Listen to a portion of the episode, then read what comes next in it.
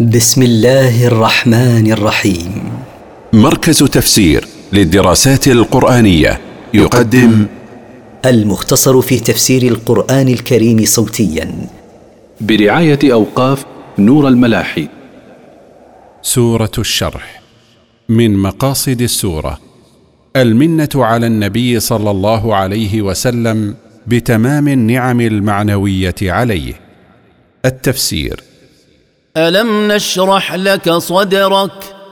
لقد شرح الله لك صدرك فحبب إليك تلقي الوحي. ووضعنا عنك وزرك. وحططنا عنك الإثم. الذي أنقض ظهرك. الذي أتعبك حتى كاد أن يكسر ظهرك. ورفعنا لك ذكرك. وأعلينا لك ذكرك. فقد أصبحت تذكر في الأذان وفي الإقامة وفي غيرهما. فإن مع العسر يسرا. فإن مع الشدة والضيق سهولة واتساعا.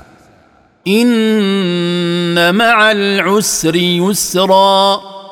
إن مع الشدة والضيق سهولة واتساعا. إذا علمت ذلك فلا يهولنك أذى قومك ولا يصدنك عن الدعوة إلى الله.